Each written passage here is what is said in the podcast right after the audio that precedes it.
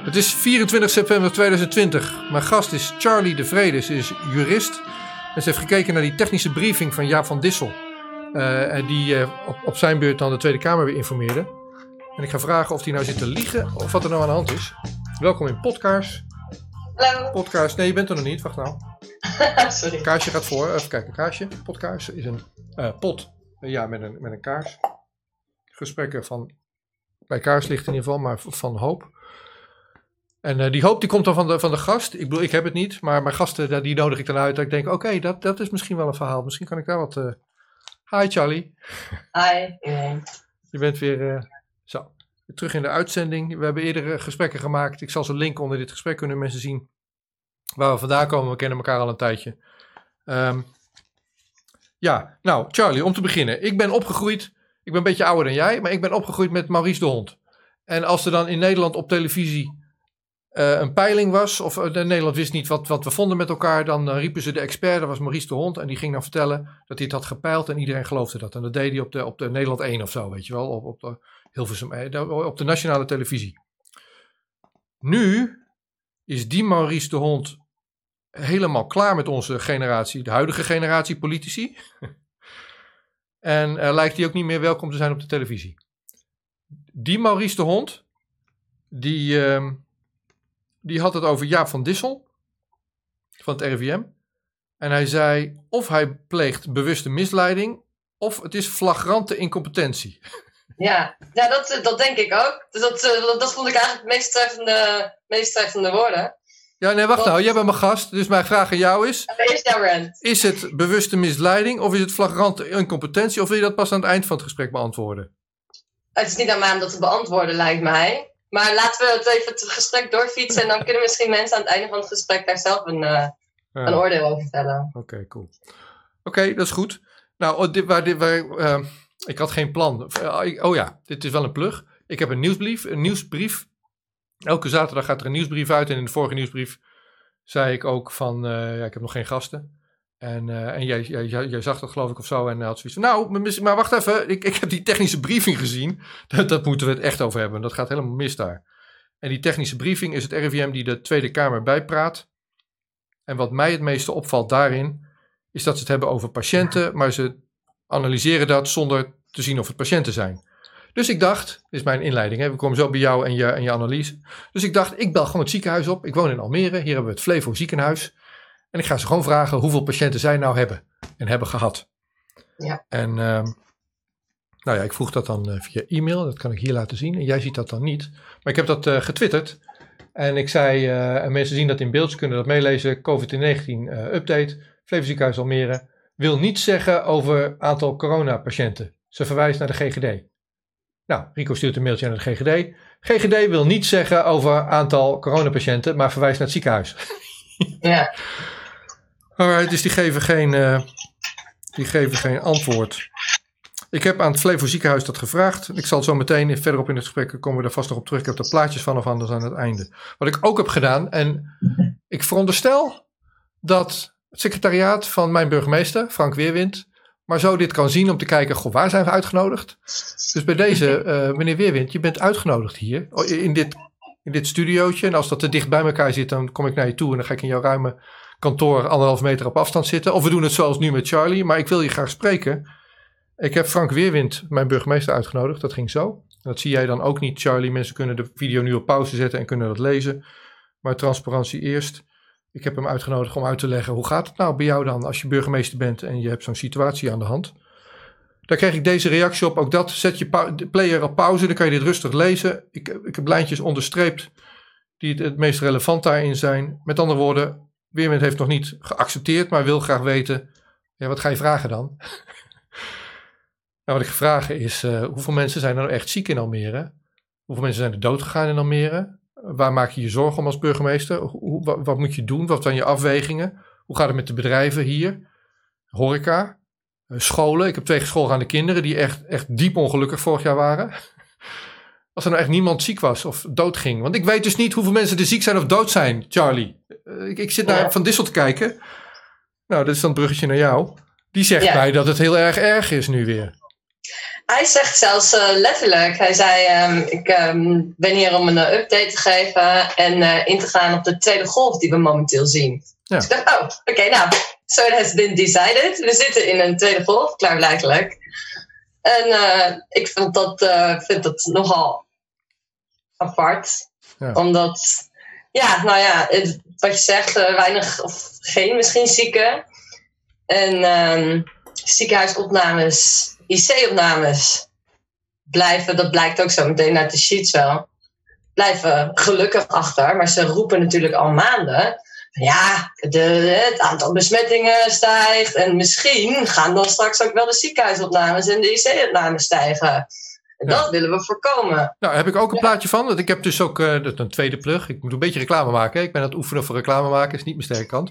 Maar ik heb dus een nieuwsbrief. Dat vind ik leuk als je lid wordt. En dat gaat echt super snel. Ik heb er 800 nu. Ik, ben, al lid.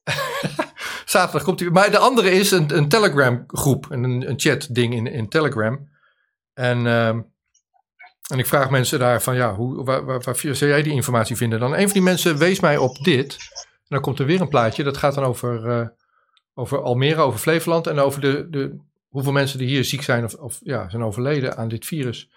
En het overzicht van, van die website die nu in beeld is, en jij ziet hem dan niet Charlie, maar je ziet hem wel als filmpje er is, is dat er af en toe iemand wordt opgenomen ja, en iemand overlijdt. En dan is het dus niet duidelijk, dit is, dit is mijn grootste vraag, is die nou overleden aan corona of is er iemand doodgegaan en werd hij getest, positief getest en is die met corona doodgegaan? En dat blijkt hier niet uit. En wanneer? En wanneer was diegene getest? Ja, ja, dat ook. Kom ik zo ook nog op terug tijdens de sheet. Oké, ja, en maar wat ik dus wil zeggen in het plaatje is dat het vlak is. Dus in Almere was er wel een piek, eh, ja, begin dit jaar, maart, april. Uh, net als overal in Nederland. Maar daarna is het vlak en is er af en toe eentje. Dat is de grafiek die je nu in beeld ziet. Nou, die wil ik ook laten zien. En dankjewel voor de mensen in de Telegram groep die gewoon mee zitten te denken. Dit is zo cool van die podcast maken. Dat is echt heel, een dikke pret heb ik eraan. Oké, dus dat is dat. Um, ja, wat zullen we doen? We, we, willen. Nou, maar jij had een. Ik, dat wil ik ook laten zien. Jij had een. Uh, een aantal van die bronnen die ik nu laat zien. Die komen bij jou vandaan. En ik heb nu in beeld gezet. Een. Uh, ja, die, vertel maar. Ja, wil je me vertellen waar we naar kijken? Ja. Juist. Staat die in beeld? Ja. Ja, nou, dat is dus een, een bijlage bij een, uh, bij een kamerbrief. En uh, die, er staat, het is bijlage proces vroeg signalering. En dan kun je in het hele grote stuk tekst in zwart aan de bovenkant kun je zien langs welke instanties de cijfers allemaal gaan. Die er allemaal iets over te zeggen hebben voordat ze gepubliceerd gaan worden.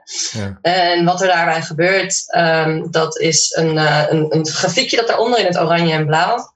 Daarin um, daar halen ze het doorheen om te kijken wanneer kunnen we de maatregelen op gaan schalen. Wat we nu afgelopen week bijvoorbeeld hebben gezien en de week ervoor volgens mij. Ik zei een beetje gekscherend uh, vorige week nou ja, de ziekenhuisopnames en de IC, ziekenhuizen zijn nagenoeg leeg. IC-opnames uh, blijven gelukkig heel erg achter bij het aantal positief geteste mensen. Dus we zullen de maatregelen wel weer op gaan schalen. Een soort van self-fulfilling prophecy. maar dat, dat gebeurde inderdaad. Maar uh, ja, ik wilde dit graag aan mensen laten zien, zodat ze gewoon het even rustig na kunnen lezen en kunnen kijken wie heeft daar allemaal iets te zeggen over die cijfers voordat ze gepubliceerd worden. En wat zeggen die cijfers dan nog precies? Ja, dus van boven naar beneden, daar, dat, zijn echte, dat is echte data. En dat gaat over meerdere schijven heen. Voordat dat er misschien op jouw televisie landt. En dan moet je maar hopen dat dat, dat, dat ja, verband houdt nog met wat daarboven erin is gestopt. Mensen kunnen dit terugzien. Dit soort pdf's, dit soort plaatjes staan in de links onder dit gesprek. Oké. Ja. Oké, nou zie je. Ja, en kijk, dan hebben we, we hebben het ook wel volgens mij al eerder gehad over PCR-test. En daar is ook wel veel over te doen. En uh, wat jij net ook zei, van hebben we het over uh, zieke mensen. Zij hebben het over, soms hebben ze het zelfs in de media over patiënten. En het zijn toch echt mensen met een, een positieve uitslag op een PCR-test. Dat is feitelijk wat we ervan weten. En um, ik vind, ben het niet helemaal eens om die mensen dan daadwerkelijk uh, besmettelijk te noemen. Want zo'n PCR-test test maar een klein deeltje. Dat hebben we al in een eerder gesprek hebben we dat behandeld. Test een klein deeltje van het virus. En dan weet je niet of het virus intact is en zich dus kan vermenigvuldigen en reproduceren, zodat je ook daadwerkelijk mensen ziek kunt maken. Dat, dat weet je niet. Maar nou dat, ja, dat, is dus mijn, dat is dus mijn. Die, want die curve, die, die, die zo meteen. Maar die kan ik nu wel doen. Ik heb die, dat plaatje van, uh, van Maurice de Hond heb ik ook klaarstaan. Hop. Dus nu over ons heen, over jou heen vooral nu dit keer. is grappig. Heb ik het Ik denk dat plaatje... het ook in de sheet zo meteen komt, dus die heb ik voor me. Ja, nou, nu heb je het plaatje van Annegien met die grote piek. Annegien is de nieuwslezeres eh, bij, eh, bij, eh, bij het NOS-journaal. Dame met donker haar. Nou, en, daar, oh, die- en, en daarnaast zit die grafiek. En dan zie je dat we in maart, april echt een grote piek hadden. Maar dat er nu echt wel weer een, een piek zit, is of zo. En, eh, en, en, maar, die, die, die, maar die is dus niet in de verhouding, op geen enkele manier in verhouding met, met wat er bij huisartsen gebeurt of wat er in ziekenhuizen gebeurt. Dus dat is, ik, zie- ja, dat is een discrepantie. Dat is mijn grootste vraag eigenlijk: van hoe kan het zijn dat die er is? Ja, en ik heb Zou nog een, misschien ook bewuste misleiding genoemd kunnen worden. en ik heb, nou, nou heb ik nog een vraag. Die ga ik ook aan jou stellen aan het eind. Dus het ging om, eh, jij moet kiezen tussen bewuste misleiding en flagrante incompetentie. maar, Oh, ook, en, en? maar, maar ook, ja en en, Oh, maar ook, maar ook, weet je, Jaap van Dissel is eh, een van de directeuren bij het RIVM. Hij is uit hoofde van zijn functie de baas van het Outbreak Management Team. Daarom is hij degene, volgens mij, ik zeg het uit herinnering. Als ik mis heb, dan moeten mensen dat zeggen. En dan pas ik het aan in de, in de notes onder dit gesprek. Maar daarom is hij degene die op televisie ook die, ehm, die briefings geeft. En voor de Tweede Kamer. En eh, waar ging ik nou naartoe? Eh, dan ben ik me, ach, stom, dan ben ik mijn lijn kwijt. Bewuste misleiding, Jaap van Dissel, OMT. Oh ja, nee, dat is inderdaad. Dus als, als, ja, van dit, als de keuze die we hebben bewuste misleiding of flagrante incompetentie is, hoe kan het dan zijn dat de Tweede Kamer Hugo de Jonge er niet op aanspreekt dat Jaap van Dissel nog steeds deze briefings geeft? Ja, ja, er zijn wel een aantal Kamerleden die, eh, er, die erover beginnen, maar Ja, dat maar eh, kan je ook horen in de, in de vragen. Oh, dat was, dat was eh, de reden dat ik je had geappt toen eh, mevrouw Agema had ehm, tijdens de vragen, bij beantwoording van de vragen van Jaap van Dissel, had, had ze gezegd dat ze niet, niet langer door meneer Van Dissel bedisseld wilde worden in de beantwoording Ja. van de vragen. Vond ik, een, vond ik een leuke term. En het is, ik begreep meteen wat ze bedoelt. Want ik kijk dus, nou, volgens mij is dit nu 17 technische briefings. Of dit was de 18e, dat kan ook. Ehm, maar ja, de, in de antwoorden op de vragen, is meneer Van Dissel, die weet heel, heel erg om, om, over, om van alles heen te draaien.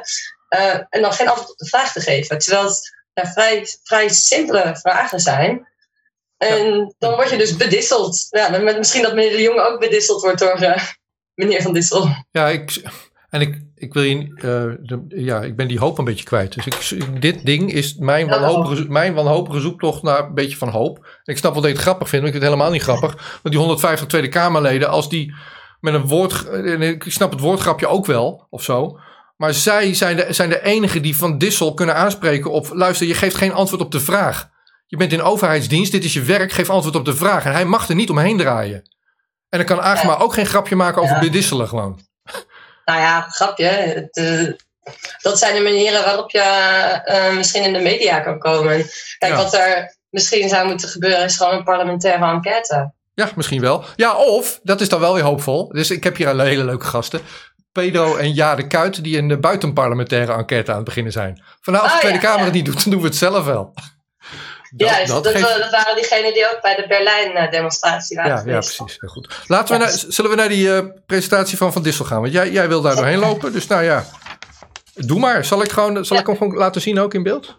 Graag, ja, ja. Ik heb hem zelf ook in beeld. Dus eh, Alright. misschien ook niet in de camera telkens kijken. Ik kijk net iets naar beneden naar de sheets. Ja. Maar ja, de eerste sheet is eh, eh, update tweede golf. Nou, daar zitten we dus in. It has been decided. Dus, nou, sheet 2. Want Ja. dat is alles wat ik daarover te zeggen had over die eerste sheet. Oké, nou, dan zien we de, de piramide. Het is wel interessant, die piramide is eh, in de loop der tijd een beetje veranderd. Eh, helemaal in het begin was het onderste stuk was 80%. Ze hebben de verhouding van de, van de driehoekjes, het rode driehoekje en het blauwe gedeelte, hebben ze wel een beetje hetzelfde gehouden. Ja. Ik denk dat als je het rood en het lichtrood gekleurde deel is niet helemaal 2% van de eh, piramide, volgens mij. Maar dat terzijde. Begrijp je wat ik bedoel? Ja, nou, het gemene, je moet even, voor de mensen die voor de eerste keer dit, dit plaatje zien, het gemene van dit plaatje is dat er een enorme grote massa is in dat lichtblauwe stukje. Van eh, weinig ziek tot eh, helemaal geen klachten. 98%. Dat is vrijwel iedereen, maar als je het in een piramide tekent, dan, dan, dan, dan is het ongeveer net zo hoog als het stukje oranje-rood, omdat dat veel smaller is. Dus als je het gewoon als een, als een, als, een eh, maatbeker, zoals je dat thuis in je keuken zou doen, dan zou het echt een enorm blauw stuk zijn en een heel klein friemelig randje rood erbovenop. Dus het gebruik van een, van een piramide is in zichzelf misleidend. Zo, dat wil ik zeggen. Ja, en maar wat ik, als ik gewoon naar de piramide kijk en naar de woorden die erin staan, dan, dan zie ik daaruit van je bent of weinig ziek tot vrijwel zonder klachten. Ja. Uh, ja, ik denk dat geen klachten daar ook een heel groot deel eigenlijk van is, maar dat even terzijde. Maar betekent dit nou dat als je net iets meer dan weinig ziek bent, dat je dan al in het ziekenhuis komt nu? Ja, je mist een Dat categorie. zou kunnen. Kijk, want we, toen we terug in maart of april, toen de ziekenhuizen vol lagen, als jij toen veel klachten had, maar er was geen plek in het ziekenhuis, dan kwam je niet in het ziekenhuis. Als jij nu veel klachten hebt, je Nou ja, goed, het is ook, een beetje terminologie. Ja. nou ja, die terminologie, dat zij, als je nu de ziekenhuisopnames stijgen, dan moet je je wel daarbij beseffen dat er ruimte is in de ziekenhuizen om mensen op te nemen die positief getest worden eh, voor corona. Ja. Dus die hoeven niet per se zo ziek te zijn dat ze altijd in het ziekenhuis, als de ziekenhuizen vol zouden liggen, dan zouden die mensen misschien die nu worden opgenomen ook nog wel thuis blijven en thuis prima een infectie kunnen doorlopen. Wat ik ook wil zeggen hier is, als de mensen nu in, echt in de zorg zitten en echt een, een coronavleugel bedienen met hun werk, en ze willen hier vertellen hoe dat gaat, als dat mag, dan, dan moet je dat doen, ja. Dan moet je contact opnemen, dat vind ik wel een leuk gesprek.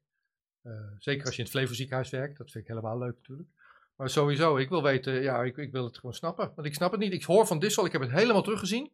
En, en hij, hij, hij vertelt me niet wat in één minuut kan, wat- ja, de informatie die ik zoek. En dat is onder andere En dat dit. is nog even kort voor de mensen thuis. Wat ik zoek is, is als je eh, iemand test, dus met zo'n wattenstaafje in zijn neus en in zijn keel wat slijm afneemt en je test en dat is positief, dan heb ik geleerd dat is een PCR-test en dan meten we een stukje van de, van de, van de, van de code, van de, van de moleculen zeg maar, van, van, van dat virus. Verondersteld, want we weten niet hoe die virus eruit ziet, maar we, wij doen de aanname dat het een stukje van dat virus is. En als dat een positief is, dan zegt Van Dissel, je bent een patiënt en je bent besmettelijk. Want dat is de staat die met patiënten en besmettelijk wordt bedoeld. Maar dat is niet aangetoond. Want Ook als je niet ziek bent, dan kan je maar zo nog een, een stukje van dat spul in je neus hebben of, achter in je keel hebben. En Ja. ehm, dat kan dus ervan, het gevolg zijn van dat je die ziekte. Nou, van dat je dat virus in je lichaam hebt gehad zonder dat je er ziek van bent geweest twee of drie maanden geleden. Zo heb ik het in ieder geval begrepen. Misschien heb ik het verkeerd begrepen, moet hij het op Ja. televisie nog een keer uitleggen. nee, ik heb, ehm, ik heb nu al een aantal keer zelf het RIVM gebeld en die navraag over gedaan. Ja. En eh, dat, dat zou ik ook mensen aanraden om dat een keertje te doen. Gewoon als je contact RIVM intypt op Google, kom je bij een telefoonnummer. Rico kan het ook onder Ehm, en dan kan je ze bellen en, en daarna vragen. En dat heb ik ook gedaan. Ik heb dat ook opgenomen. Dus dat kunnen we ook misschien wel eh, in een ander gesprek een keer afspelen. Maar eh daarna vroeg ik, zijn die positief PCR-testen, zijn dat nou mensen met klachten? Zijn die ziek? Wordt dat bijgehouden? Dus ja, nee, we gaan geen persoonsgegevens van mensen bijhouden. Want ik zei, nee, ik vroeg niet naar persoonsgegevens. Ik vroeg gewoon, je kan het met een nummertje doen of iets dergelijks gewoon. Heeft deze persoon klachten? Of is die bijvoorbeeld door in het bron- en contactonderzoek naar voren gekomen? Dat zou ook kunnen. Ja. Dus, maar dat, eh, dat tot daar. Ik wil nog heel even eh, terug naar de... Nou, wat zegt hij dan? Nee, nee, nee, nee, nee. Jij belt het RIVM, je vraagt die. PCR-positief geteste persoon, heeft hij dan klachten? Krijg je dan antwoord of krijg je geen antwoord? Ja, nee, dat weten ze niet. Ze ze Oh, weten alleen dat het positieve PCR-testuitslagen zijn. Dus ja, dat, dat, eh, die gegevens, eh, dat Ja. is bij de GGD. Dan heb je weer het bekende Kastjemuur-verhaal. ga verder. Waar jij ook door, vaak tegen Oh, nou, oh ja, maar dit is mijn bruggetje. Dit is mijn bruggetje, nou doe ik hem. Kastjemuurverhaal. Ik had nog twee plaatjes, dat doe ik dan nu. Plaatje van eh, Rico die een vraag stelt aan het Flevo ziekenhuis. Beste Flevo ziekenhuis, voor een reportage zou ik graag van u leren hoeveel patiënten met corona, symptomen en ziekenbeeld in uw ziekenhuis zijn behandeld. In heel 2020 per week of per maand. Specifiek vraag ik niet naar positief geteste mensen, die ook voor andere aandoeningen in je ziekenhuis zijn. Maar het aantal mensen met koorts, eh, kortademigheid, hoesten, weet je, van die coronasymptomen. Nou, wat zegt het ziekenhuis dan naar mij terug? Voor de cijfers hierover verwijs ik u naar de GGD Flevoland. Wij verstrekken als ziekenhuis geen cijfers. Oké, niet ondertekend met een... Nou, de- de- deze naam is wel deze is ondertekend met een naam. Oké, dan stuurt Rico dus een mailtje naar, ehm, naar de GGD. Dit is het stomme, als je dat naast elkaar ziet. Met dezelfde vragen. Dus de vraag die ik aan het ziekenhuis stel, stel ik gewoon daarna bij de GGD. En die zegt, Ja. voor de vraag die u stelt over ziekenhuisopnames met betrekking tot COVID-19 in Flevoland, kunt u het beste terecht bij de afdeling voorlichting van het Flevo ziekenhuis in Almere. nou, mensen zien het nu naast me. Dat is toch, daar kom ik net vandaan. Nou, dan ga ik dus niet. Ik, de mensen vragen aan mij: van, Je bent toch journalist? Dan moet je dus nu de paarse krokodil uithangen. En gewoon eh, de- tot het naadje van de kous. Nou, dat heb ik niet gedaan. Ik heb ook die behoefte niet. Ik heb maar één keer van het kastje Misschien naar krijg de. je dan weer hoop. Hoop, ja. Zou je denken? Ik geloof er geen fuck van. Nou, ga verder. We gaan weer terug naar Ja, jouw. eh, ik ben nog steeds bij sheet 2. Ja. Bij de eerste sheet eigenlijk. Ja. Maar dus sheet nummer 2. Oké. Ehm, en er staat, daar, werd, daar was dus ook een vraag over de vraag die, eh, die bedisseld werd. Ehm, linksonder, hoe verspreidt het virus zich? Ja. Ja, ja dat, is nog precies hetzelfde als in de eerste technische briefing van Hang niet aan op 4 februari 2020. Het staat precies hetzelfde nog. Hoe verspreidt het virus zich? Mensen op mensen, druppel en contact. Aerosol genererende procedures of IC. Niet een andere vorm van erogene verspreiding dat waren de semantics waar eh, ja, Van Dissel over begon. Of het nou ehm microdruppels, er- erogene verspreiding of eh, aerosolen was. Maar hij staat er nog niet tussen. In Amerika, in Duitsland wordt het eh, als een, eh, mevrouw Merkel die had gezegd, het is een eh, belangrijk eh, gedeelte van de verspreiding aerosolen. Maar dat is hier helaas nog niet in de sheets opgenomen. Nee, niet hele, nee, nee, nee, nee, nee, nee, nee. Dit gaat om die vraag die we moeten beantwoorden. Die ik wil dat we beantwoorden. Is het bewuste misleiden of flagrante incompetentie? De Center Dus zou ik zeggen, in ieder geval one of the above. Ja. Oké, maar die twee Ik woorden... ik kan het niet kijken in meneer Van Dissel's hoofd. Nee, maar die- dus dat misleiden is Nee, maar... je, kan wel een soort van starheid, een soort van stugheid zien. Ehm, Wat dat ik zeker. Wat ik zie is mevrouw Agema die die vraag onder andere stelde. Eh, eh, waarom doe je niks met microdruppels? En dan begint Van Dissel over een discussie over aerosolen of aerogene en hoe groot een Ja. druppeltje is en wat er dan met zo'n druppeltje gebeurt. En als het druppeltje dan in de lucht zweeft, dat het opbreekt in kleine druppeltjes en dat is dan weer anders. Maar hij zegt er ook bij, ergens anders in, dat, in die briefing, dat er alles aangetoond in maart en april dat het niet om aerosolen ging. Want hij had een hele theorie dat de aerosolen die waren dan naar buiten gehouden. Dus ja, daarmee met zijn theorie van maart april is dat aangetoond. Dus eh, zullen aerosolen nu ook wel geen rol spelen. Waarom ik erop hamer is dat Center of Disease Control en Merkel, nou, uit herinnering, maar ik durf niet Ja. alles hardop te zeggen, Ja. die hebben bevestigd dat aerosolen de, een grote en waarschijnlijk de grootste bron van besmettingen van dit virus zijn. Hier wordt dus onze Tweede Kamer verkeerd voorgelicht door de persoon die ze daarvoor inhuren. Of niet? Zo zou je dat kunnen stellen. Dankjewel. Oké, ik zeg wat eh, bot, eh, botter dan, dan jij net. Maar ik, maar ik vond ook, en Agema die kreeg niet heel veel ruimte. En die andere mensen, die de, de Tweede Kamerleden eh, ook niet. Maar ze mogen in die ene vraag die ze stellen best wel vragen. Doe je nou bewuste misleiding of frag- flagrante incompetentie? dat kan ook niet natuurlijk. maar dat is toch het niveau nu, of niet? mevrouw, mevrouw Agema, die, die is al ehm, zeker vanaf, eh, vanaf mei in ieder geval, is zij al dit soort vragen aan het stellen. Ja. Over erogene verspreiding, over superspread events, over, over ja, aerosolen. Ja. Ehm, over ehm, ventilatie ook. Hè, meneer Van Dissel die zei nu eh, ergens, eh, zei ja, we hebben vanaf het begin gezegd dat ventilatie heel belangrijk is. En, ja, ventilatie ja, maar als jij zegt eh, je moet je gebouw moet voldoen aan een bouwbesluit van wanneer een gebouw gebouwd is, ja, dan kan je school in 1960 gebouwd zijn, dan kan die prima voldoen aan het bouwbesluit.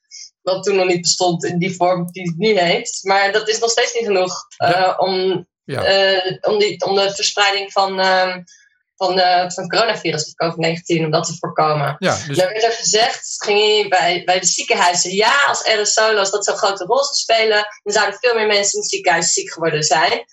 Ehm, en dan heel simpel, dan zou ik- dan- wil ik- ziekenhuizen, zijn er juist op gebouwd, ventilatie daar is erop ingericht om ziekteverspreiders die door aerosolen verspreid kunnen worden, om dat tegen te gaan, om dat af te zuigen, om dat te filteren. ja, precies. Dus dat, dat laat hij even buiten beschouwing. Plus er zijn vrij veel zorgmedewerkers zijn ziek geworden. Maar dat ook terzijde. Maar Dankjewel. dat hij Laten we, volledig voorbij gaat aan de ventilatie in ziekenhuizen. Dat die erop eh, gebouwd is. Dat is zeker ook weer eh, een van die twee. Of een flagrante incompetentie of bewuste misleiding. Ja, lijkt je, mij. je kent hem uit je hoofd. Laten we teruggaan naar die presentatie. Ik was nog op pagina 2. Wil je er nog meer van zeggen of zijn we, gaan we naar de volgende? Zullen we naar drie gaan? Ja, nee, dat, be- dat bedoel ik ook een beetje. Oké, drie. Ehm, Ja. Vertel maar. Nou, kijk, hier zien we aan de rechterkant, eh, in het midden, de ziekenhuisopnames. Dan zien we even het overzichtje. Waar is die tweede golf nou gebleven? Ik dacht dat we in de tweede golf zaten. Waar is die tweede golf nou? Ik moet hem even goed uitlijnen. Zo. Dus Charlie heeft het over dat, uh, dat paarse dingetje rechtsboven. En, en ja, dus, dan onder die uh, waar teststaten bij staat. Ja, onder die teststaten. Die teststaten, dus als jij een kuchje hebt en je gaat naar de GGD en je doet zo'n wattenstaafje in je neus. En ze zeggen, oh, oh, je bent positief getest. Dan kom je in het bovenste plaatje van die teststraten. Dus daar is het die tweede golf. Nu zie ik het. Dat is de tweede golf. Maar dat is, ja, dat moeten ze er wel bij zetten. We zeggen, we zitten nu. Maar dat is geen tweede golf, want we hebben geen eerste golf van positieve PCR-testen gehad. De eerste golf was van ziekenhuisopnames, IC-opnames, sterfgevallen. Toch? Zeker. Nou, dat is de eerste golf. Dus we hebben nu de eerste golf van positieve PCR-testuitslagen. Uh, zo is dat. Ja, dat is uh, precies aan de hand. Er is dus ook een verandering geweest bij de World Health Organization. Uh, en jij attendeerde mij daar ook, dat heb ik ook klaarstaan ergens. Dat kunnen we misschien nu dan wel doen. Maar, waarin. Kijk, we zijn anders gaan meten. We zijn anders gaan meten gaandeweg de, de, de, de um, situatie met corona. In eerste instantie hadden we mensen die, die, die ziek waren. Ik kom zo meteen op bij sheet ah. 7. Ik ga heel even door, want we hebben nu een filmpje klaarstaan. Ja. Uh, want we zien hier nog in beeld sheet 3. Dat wilde ik eerst even afmaken. Sorry omdat ik je onderbreek. Ja, maar hij heeft het over een artikel um, van The Hammer and the Dance. Daar heeft hij al in een eerdere presentaties daarover begonnen. Um, en daarin uh, zegt hij wel in, met zoveel woorden van uh, ja, die dans die moeten we een beetje volhouden totdat we bij uh, groepsimmuniteit komen door het vaccin. Dat zegt hij. En de dans is dan, hè, dat, kun je dan rechts in beeld aan de onderkant zien, wat daarmee bedoeld wordt. Hè, testen, contactonderzoek, grote, grote gezelschappen uitbannen, enzovoort. Maar wat wordt er nou bedoeld? Hè? Want we, we, weten allemaal, we moeten allemaal eh, het volhouden totdat er een vaccin is. Toch? Ja, nou, ik, laat ik even. Laat ik hem even wacht even, wacht even, wacht even. Wacht even, wacht even. Dan wil ik hem citeren. Dat zegt hij in het begin van zijn, van zijn briefing. Groepsimmuniteit met vaccinatie is het doel. Dus groepsimmuniteit is back on the table. Ik bedoel, Rutte begon daarmee met zijn eerste toespraak. Toen dachten we nog. als, wacht, wacht, wacht, wacht, wacht, wacht, wacht, even. Wacht even op een natuurlijke wijze bereiken of door vaccinatie. Ja, nee, dat, dus Rutte eh, noemde dat woord in zijn eerste presentatie ook. En toen dachten we nog, hij bedoelt, we doorlopen gewoon dit als een, zoals dat met virussen gaat. En dan, de natuurlijke wijze. Op de natuurlijke wijze, zoals we dat als al, weet ik veel, honderdduizenden jaren doen als mensheid. Wat ik ook nog wilde zeggen, daarom onderbrak ik je. Van Dissel zegt, groepsimmuniteit met vaccinatie is het doel. En hij zegt iets verderop, maar het is een vergezicht. Het is een vergezicht, juist. Het is dus niet een doel wat in mei volgend jaar bereikt is of zo? Nee, nee, dat is, niet, uh, dat is ook niet de planning van de WHO. Dat deed mij denken aan een filmpje wat ik heb gezien, um, wat ik eerder de, vorige week volgens mij zag. Um, van, uh, dat heb je ook klaarstaan. Dat kun je wel even laten zien. Dat is een beetje de, de tijdplanning die, die ervoor staat nu. Wat dus, dit is wel bewuste informatie achterhouden, mijns inziens. Daarom wilde ik graag dit filmpje laten zien. En bewuste misleiding uh, zo zou je het kunnen noemen. Maar uh, dit is gewoon, dit is bekend. Hè? Dus ook bij meneer Van Dissel, want hij noemt dit dus tussen neus en lippen door, noemt hij dit. Dus dit is bekend. Maar het wordt niet overgebracht op het volk als zo ware. Dus dat zou ik dan um, bewuste informatie achterhouden kunnen noemen. En, en, en misschien misleiding. Maar dat gaat een beetje ver om dat zo te stellen. Oké, dan gaan we nu kijken naar die, die clip die we net gemaakt hebben. Van uh, een presentatie door de World Health Organization gegeven. Het laatste stukje eruit. Mensen, als ze dat helemaal willen zien, kunnen dat zien in de links onder dit interview. I think countries and people need to recognize that the first doses of vaccine that become available, we must prioritize to whom that goes. You know, the people who are at highest risk of getting the infection. And, and most people agree that frontline workers, including health workers and other essential workers, are those that might be the ones who first should get these vaccines. And then gradually, as you get more doses, you start covering the population. You first cover those who are at high risk, the elderly, you know, those who have other diseases which makes them at high risk, etc. Slowly, you start covering more and more of the population. That's going to take a couple of years. And before that, we need to continue the public health measures that we have shown to be effective now. So it's really important, I think, for people to know that when vaccines come, they will take time to be scaled up till everyone in the population, or at least till 60 or 70% of people get that immunity, which we talk about, you know, the population or the herd immunity, which can really slow down transmission. We're not talking about eradicating the virus here. We're talking about reducing the kind of impact that it's currently having. Ja, so dus reducing the impact en dat gaat een paar jaar duren. Ja, nou, dus over tot 60 tot 70 procent die groepsimmuniteit heeft bereikt door vaccinatie. Dus dan zou je denken, dan moet dus 60 tot 70 procent van je bevolking het hebben ingenomen.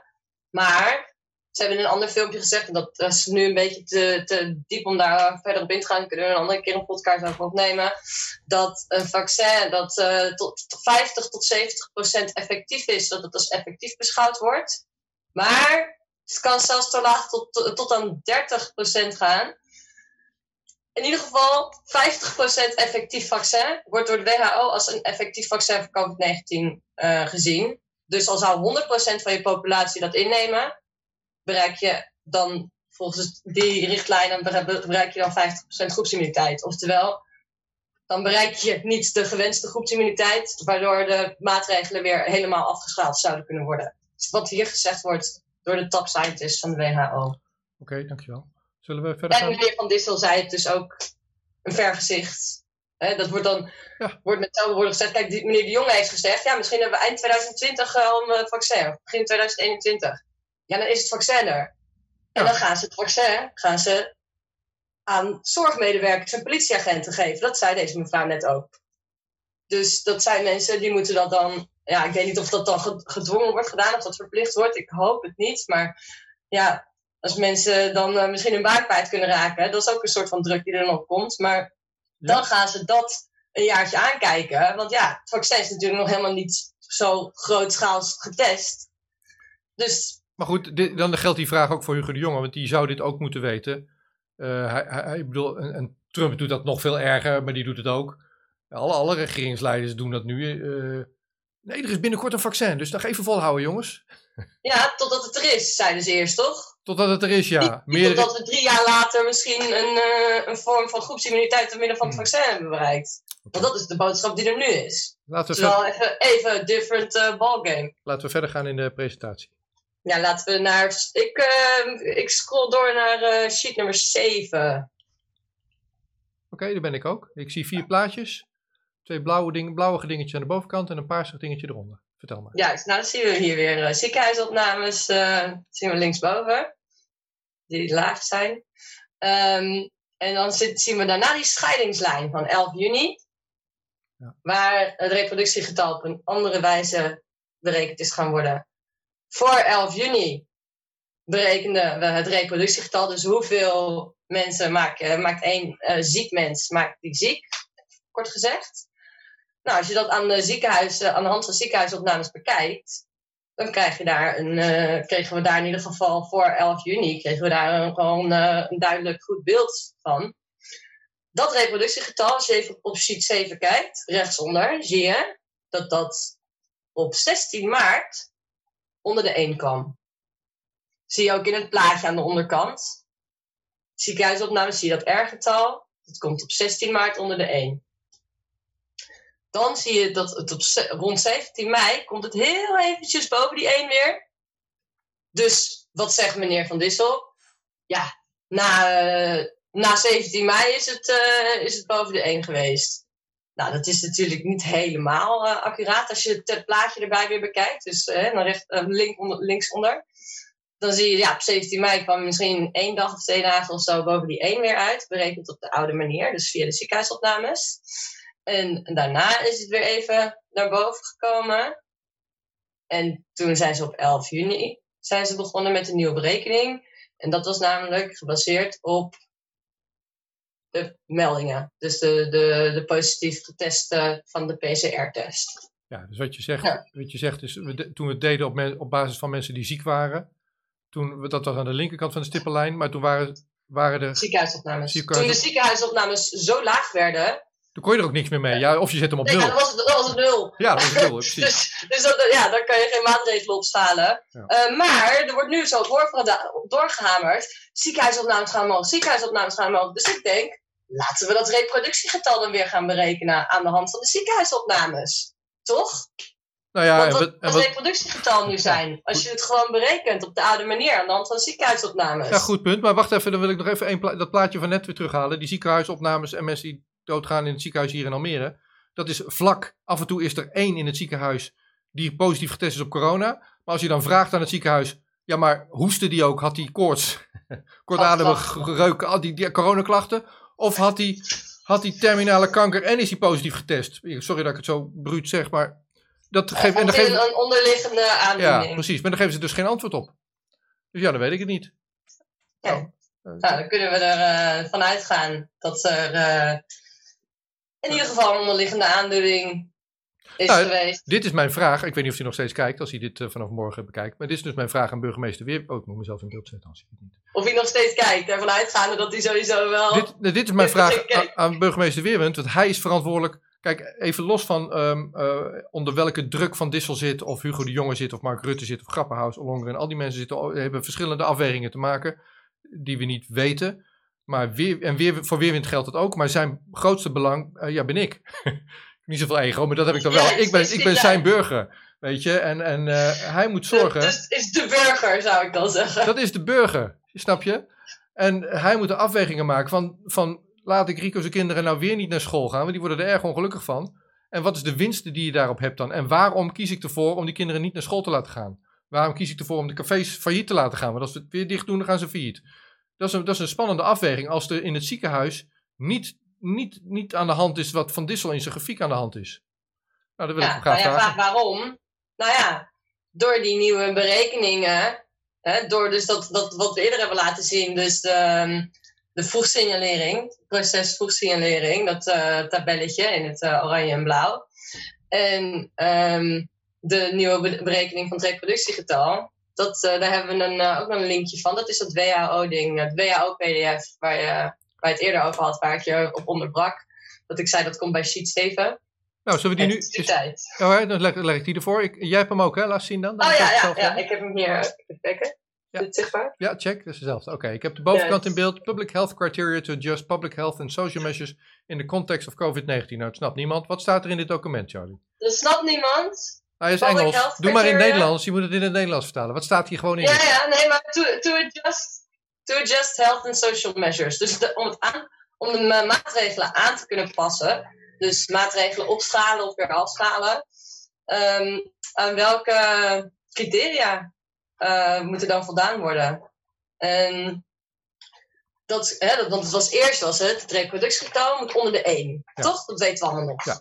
Moet onder de 1. Nou, dat hebben we net gezien. Die zit dus vanaf 16 maart zat hij onder de 1. Volgens de oude berekeningen. En toen hij wel heel lang onder de 1 bleef, toen dachten ze, ik toch maar even die, een beetje een aanpassing gaan doen hoe we dat berekenen. Want anders dan, eh, zit het reproductiegetal onder de 1 en dan we hebben we geen maatregelen meer nodig. Of kunnen we in ieder geval grootschaals af gaan schalen. oh, stop, stop, stop, stop. Ehm, stop, stop, stop, stop, stop, stop. Dit, dit, moet, dit moet duidelijker. Want we gaan eraan voor, je, je gaat er nu aan voorbij dat er, dat er een belang is om te, doen alsof dit virus er nog is. Hoe cool is het als je toch Rutte bent en je denkt, hé, hé, ik kan weer gewoon verder met Prinsjesdag voorbereiden. Dit virus hebben we gehad. Alles is op nul, zo, flat, zo plat als een pannenkoek. Nou, cool. Dat, dat zou je toch willen, of zo, als je Rutte was, of de World Health Organization. Maar, maar in plaats daarvan passen ze Nou, de als je wil macht en controle. Ja, nee, dat gaan we speculeren. Dat werkt, dat, daar hou ik niet van. Maar je zou verwachten als je die grafiek Nee, ziet... sorry, dat vroeg ik. Ga verder. Sorry, ik wou even dat kwijt. Ga maar, doe maar verder. Want je wilde naar de voetnoot van het document, had ik Ja. Oké. Ja, ja, als je naar footnote eh 2 gaat, zie je, er staat ehm, onder puntje 1 op het document, dus de- gewoon de eerste pagina nog, staat er A package to estimate RT is available. Er staan er ehm, together with an interactive application. Dus eh, er staat een heel. Dit, dit document is van 12 mei.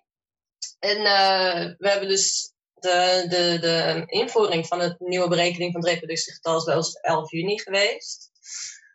Maar hier staat dus, hier kan je doorklikken naar de studies en naar de verschillende wijzes waarop eh een reproductiegetal berekend kan worden. Dat is, dit is dus door de WHO. Dit document is van de, WHO. Maar het is dus doorverstuurd naar politieke leiders van alle landen die eh, de- bij de WHO aangesloten zijn Ja, dat is ook waarom dit door heel Europa gebeurt dit ook. Dat kan je ook zien in, ehm, in, in Frankrijk bijvoorbeeld zijn ze op 2 juni zijn ze veranderd. En je kan, dat kan je allemaal uitzoeken. Maar dit is dus Europa-wijd eh, is dit toegepast. oké. Nou, Oh, en dan mensen... kunnen we nog even als je terug naar, naar, sheet, naar sheet nummer 7 gaat, Ja, dat ga ik nu doen. van eh, meneer Van Dissel's presentatie, Ja, zijn we. Kunnen ook nog rechtsonder zien, schattingen meer recent dan 4 september, onzeker. Dus de schattingen waarop nu bijvoorbeeld bij jou in Flevoland eh, de maatregelen worden opgeschaald, zijn onzeker. Staat in meneer Van Dissel's presentatie ook vermeld. Ja. Dus gaan we gauw door naar sheet 8, want anders dan zijn we uren aan het praten. Ja, heel goed. Nou, we zitten in acht. Ja, vertel. Ga verder. Mensen zien eh, drie Nederlandjes op een rij. Ik zet mezelf weer even in beeld. Hi. Ga verder.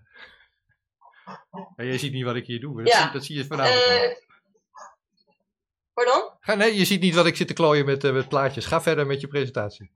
Sheet 8. Oké, ja, hij zegt bij zijn, de, bij zijn presentatie toen sheet 8 in beeld kwam, zei hij, ja, reproductiegetal is nu in heel Nederland boven de 1. En dan was mijn vraag, ja, maar als je het berekent aan de hand van ziekenhuisopnames, is dat dan ook nog zo? Of is je dan in heel Nederland onder de 1? Dat is eh, ook een stukje informatie die eh, wij niet krijgen. Ja. En eh, ik weet niet of dat bewust misleiding genoeg kan worden, maar ik ga door naar sheet nummer 9. Oké, sheet Ja, nummer 9 is in Eh, beeld. er staat schat- schatting van de besmettelijke patiënten. Dus ehm, we hebben het over patiënten, we hebben het over besmettelijke mensen, dus dat we het weten. Ehm, ik, eh, de, meneer, uh, Maurice de Hond, waar je eerder naar verwees, die heeft daar in een eh, filmpje met eh, meneer Everts, eh, met Vincent Everts, in een Q&A heeft hij daar, is hij heel duidelijk op ingegaan, daar wil ik naar doorverwijzen. Ja. Eh, dus daar hoeven wij dan nu niet heel, heel diep op in te gaan, maar dat iemand een positieve PCR-test eh, heeft, betekent niet dat diegene besmettelijk is. Betekent al helemaal niet dat diegene een patiënt is. Dus als we even doorgaan naar je hoofdvraag. Dit lijkt mij wel bewuste misleiding. Ik weet niet of het bewust is. Ik, kan het bewust, ik vind het misleidend. Ik zeg niet dat het bewuste misleiding is. Bewust is een apart eh, juridisch begrip ook. Maar eh, dit is misleidend. Dus, door naar de 10. Ja, we gaan naar 10. Ik fiets er nu snel doorheen hoor. Ja, helemaal goed. Heel graag. Eh, bij 10 wordt, ehm, zie je bovenaan staan seroprevalentie tussen de 18 en de 70 jaar. Wat is de seroprevalentie bij 70 plus? Dat is toch een beetje de groep waar we het over hebben, die het meest kwetsbaar zijn en het meest, meest risico lopen. Moet- Ik vraag dat mij af, het staat hier niet bij. Het is van 18 tot, een tot 70 jaar. Charlie, wat betekent seroprevalentie? Dat betekent dat eh, hoeveel eh, mensen er antistoffen eh, aan hebben gemaakt. Dat, je hebt een sanguin onderzoek en een, een Pinter corona onderzoek. Waar er wordt onderzoek naar gedaan. Kijk eens naar antistoffen. Er zijn meerdere soorten van, je kan meerdere soorten immuniteit zeg maar, tegen het virus hebben. Als jij een heel klein beetje met het virus in aanraking bent gekomen en je hebt daar milde klachten door gekregen en misschien niet eens een positieve PCR-test, dan kan je wel al een soort van antistoffen eh, aanmaken. Immu- immuunsysteem kan het dan misschien wel al tackelen.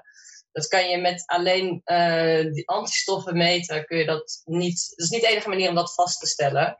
Maar ik ben, ik ben geen, geen wetenschapper op dit.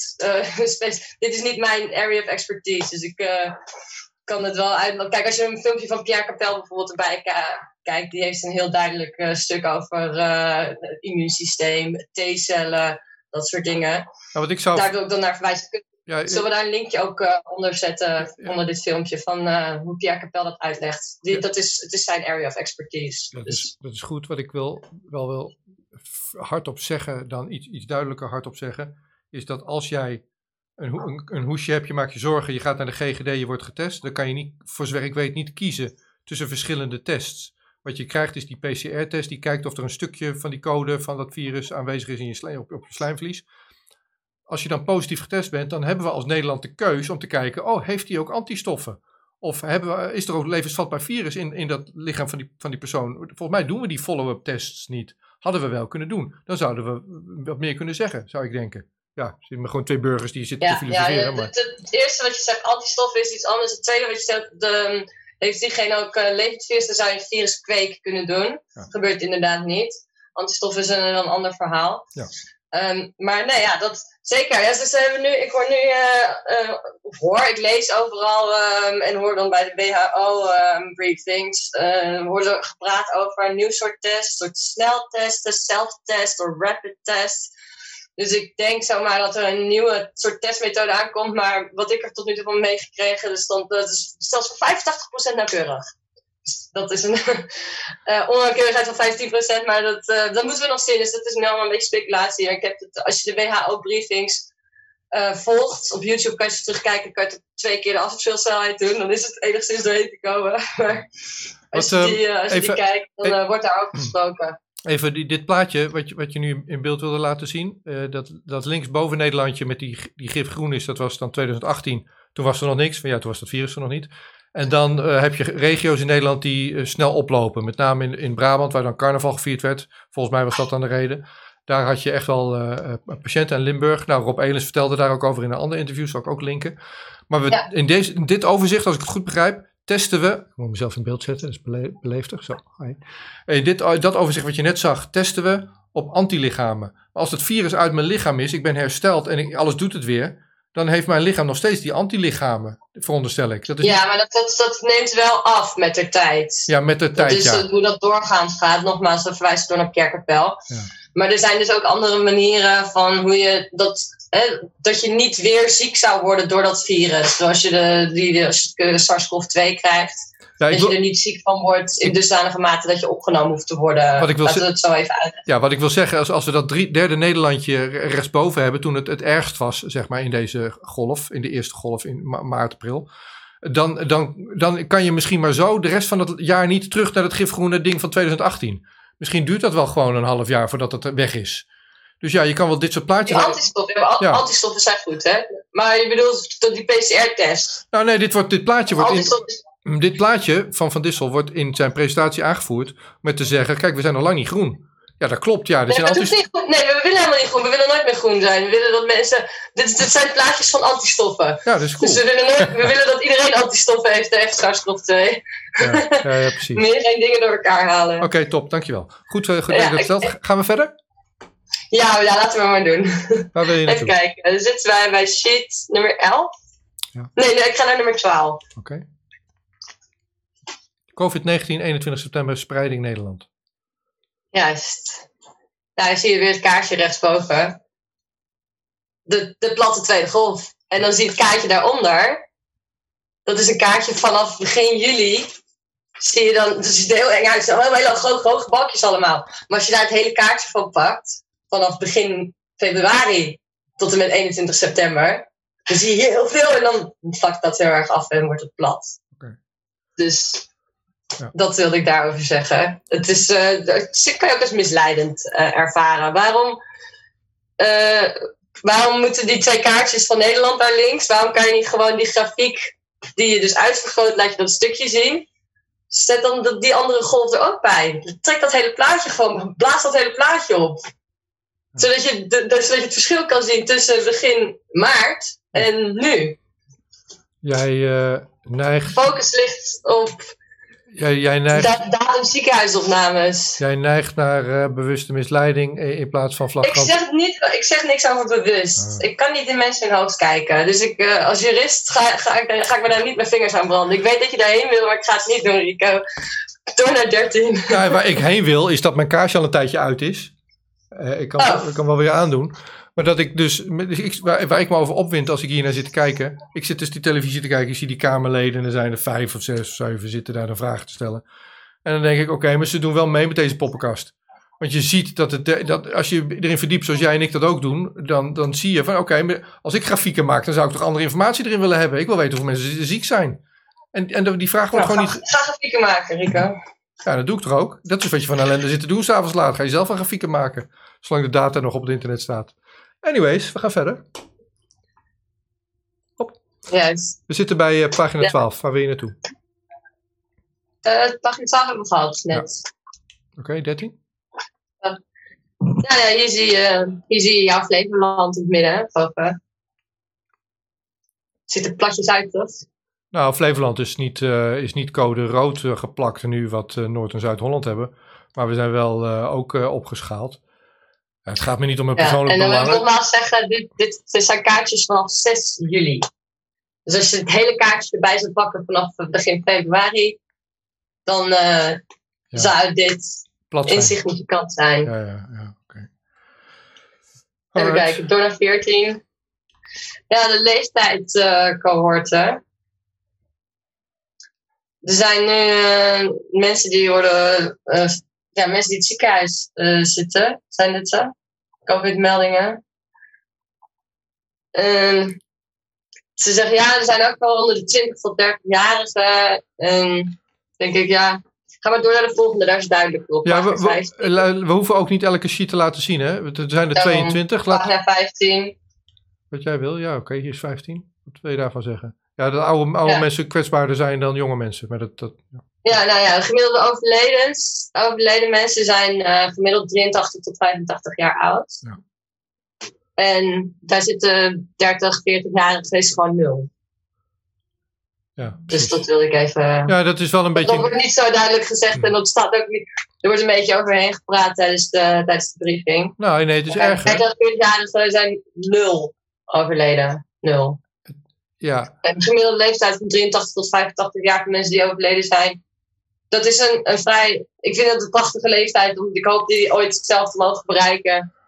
maar daar gaat, het, daar gaat het me allemaal niet om. Dat is ook wat Marianne Zwageman, dat, dat vind ik, daar, moet die discussie helemaal niet over gaan. Waar het nu om gaat, in die briefing van Van Dissel en op televisie ook, is dat nu ineens jonge mensen kwetsbaarder zijn of besmettelijker zijn. En in maart was dat dan helemaal niet zo. Maar als je gewoon gaat kijken naar zijn ze ziek of gaan ze, zijn ze in het ziekenhuis, zijn ze ziek of gaan ze, dan is dat gewoon niet zo. Dan denk je, waarom hebben we het nou ineens over jonge dat, mensen dat dan? is het punt. Ja. Mensen die komen te overlijden, hebben een leeftijd bereikt waarop, eh, Waarop mensen doodgaat. veel eerder overlijden dan eh, mensen van jouw leeftijd of van mijn leeftijd.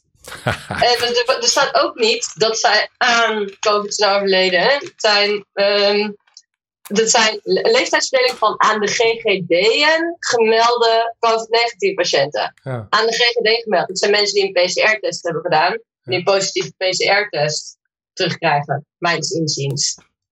Door naar pagina 17. Ik doe nog een poging, ja. Eh, waar is het ding? Oh, ja, zo. Ik zit op 15, 16, 17. Jawel, 17. Gemiddelde lichtduur van mensen op de IC's of in het ziekenhuis. Ehm, dat is ook nog wel een dingetje. We gingen in, in maart, was het volgens mij. eh, eh, was de gemiddelde. Dus dit, dit is denk ik ziekenhuis eh, hier.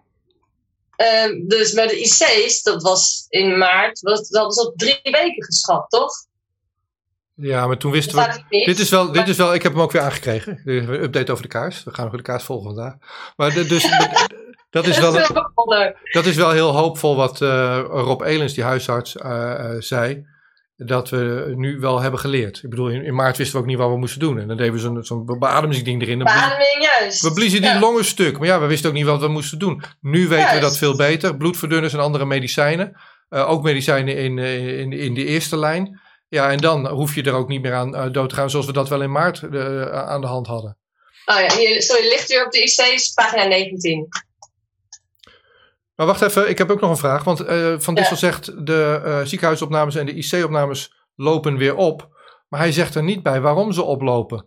Ik, het- wat ik me dus afvraag, lopen ze altijd in september op? Want dan hebben we allemaal, worden we weer, weer, weer, weer verkouden. ja, eh, rhinovirus hebben we natuurlijk. We Ja. zitten in de rhinotijd.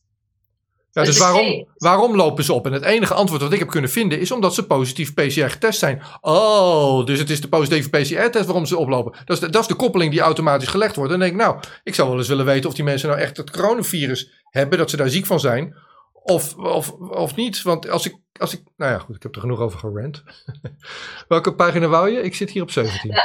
Ja, dan gaan we door naar 19. Dat is wat ik, eh, waar ik het net over had. Maar toen waren had ik Ligt u op de IC? 17. Ja, 19. Ja, nou ja, dat is dus al, eh, dat is al onwijs naar beneden Ja. gegaan en aan het gaan.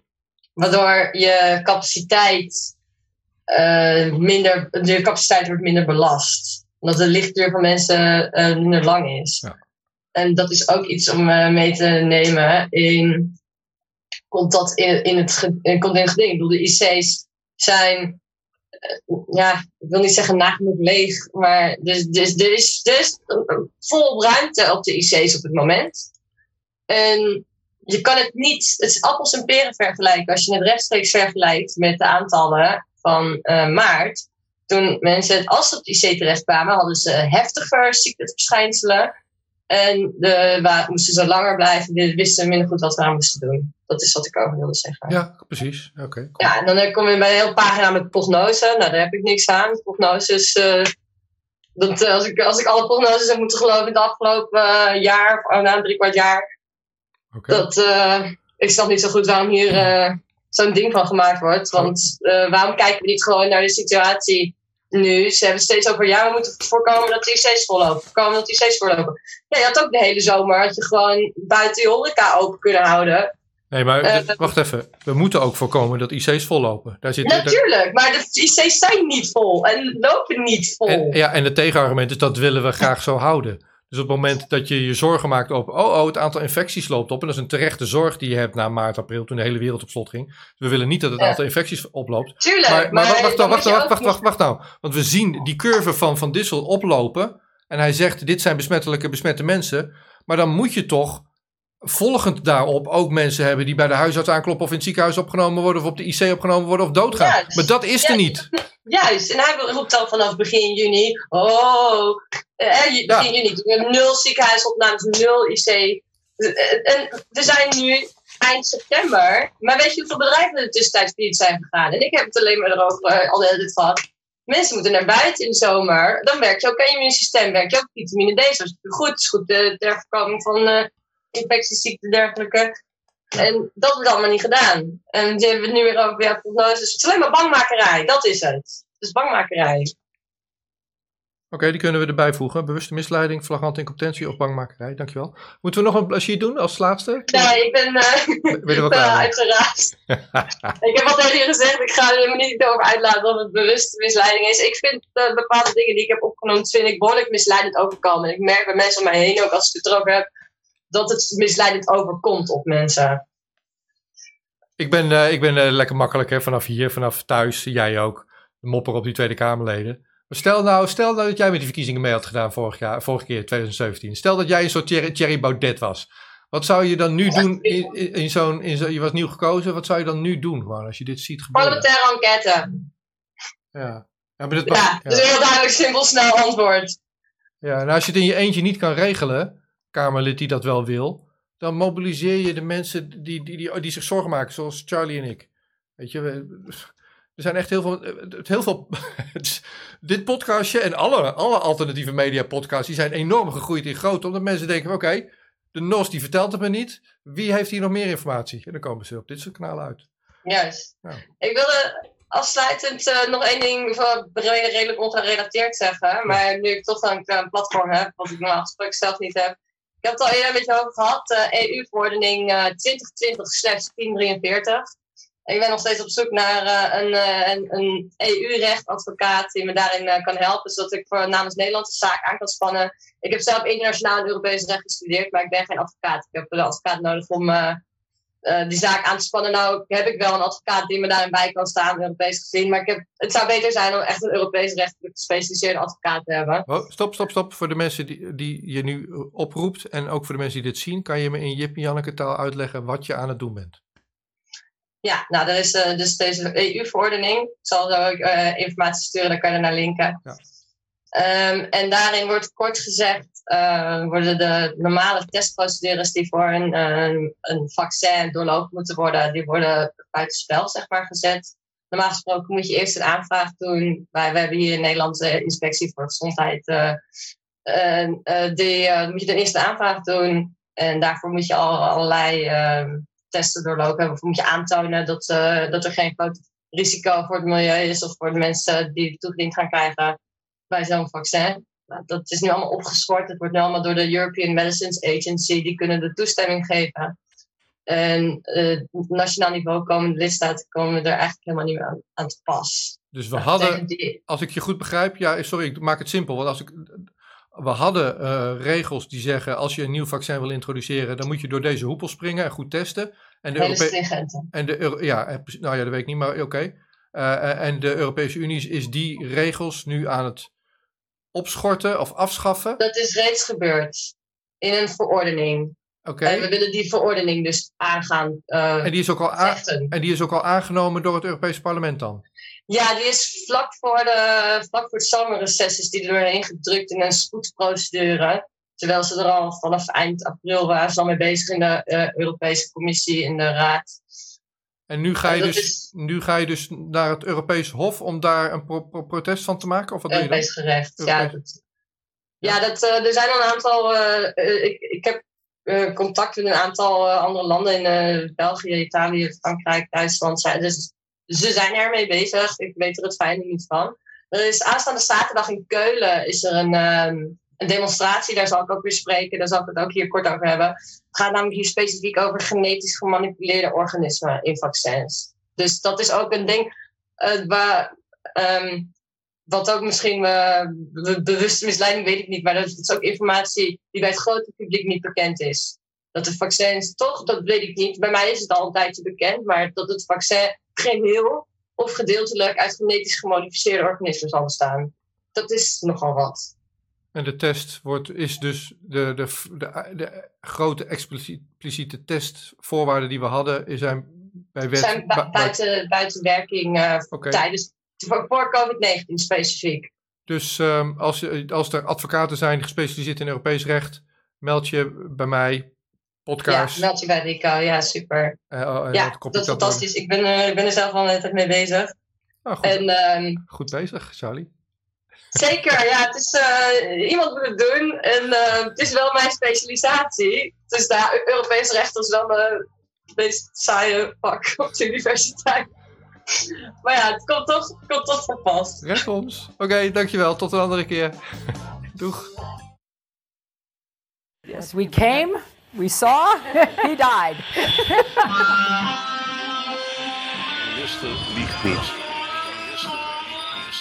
Every nation in every region now has a decision to make. Decision to make. Decision to make. You think I'm joking? Predator drones. You will never see it coming. Laat staan dat ik kan ingaan over vuur.